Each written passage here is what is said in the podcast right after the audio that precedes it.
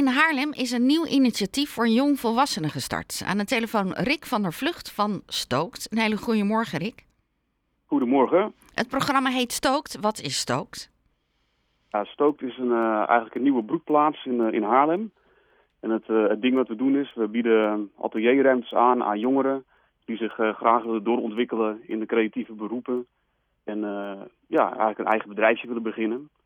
En wat, wat we vaak zien is dat deze jongeren die komen we tegen op straat met ambulant jongerenwerk, want ik ben jongerenwerker.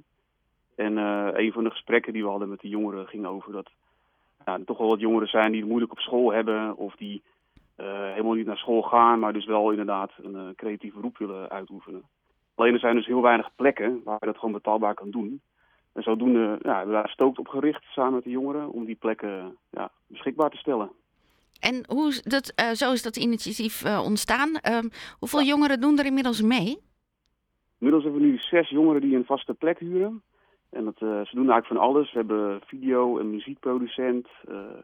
jongeren die aan, in, in de mode zitten, grafische ontwerpers. En daarnaast bieden we ook nog workshops aan, aan, aan, aan, meerdere jongeren. En dan hebben we ongeveer ja, lessen waar tien jongeren aan, aan deelnemen. En wat zijn de plannen voor de nabije toekomst?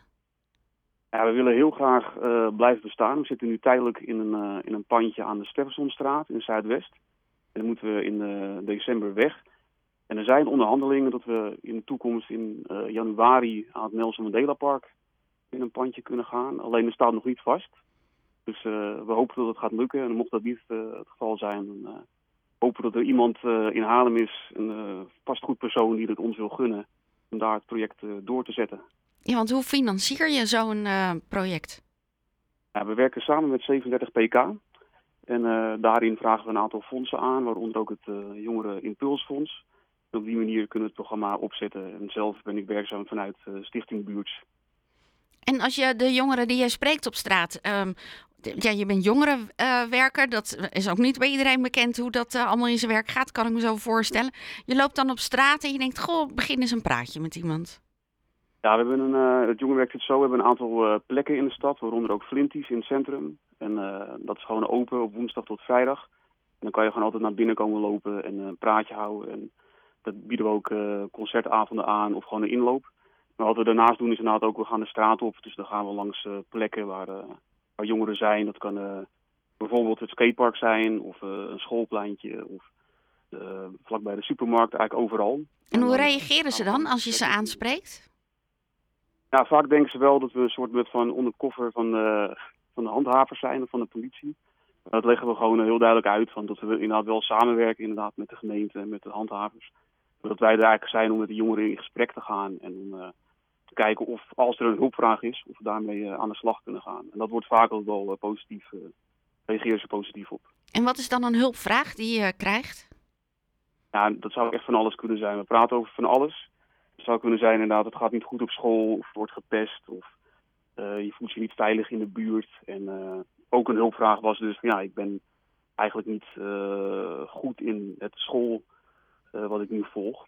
En ik zoek eigenlijk een plek waar ik mijn bedrijfje kan starten en zo. Dus het kan echt van, van, alles zijn. Ja, je hebt inmiddels zes jongeren een plek kunnen geven. Wat zie je ja. op het moment dat zo'n project start? Wat doet het met ze?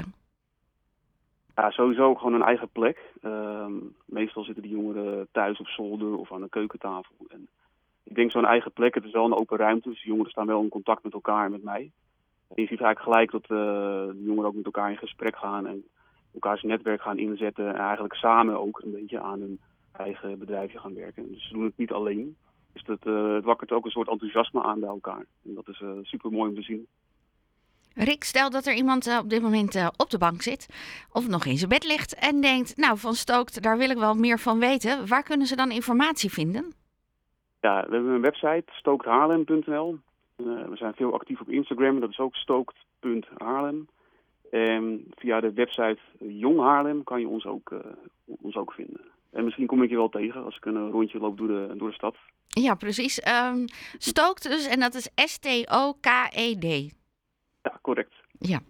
En uh, nou, Rick, dankjewel. Leuk dat je even bij ons in de uitzending uh, was om uh, er iets over te vertellen. Doen jullie toevallig ook mee volgende week met um, de Haarlemse kunstlijn? Zijn de jongeren al zover dat ze wat willen laten zien?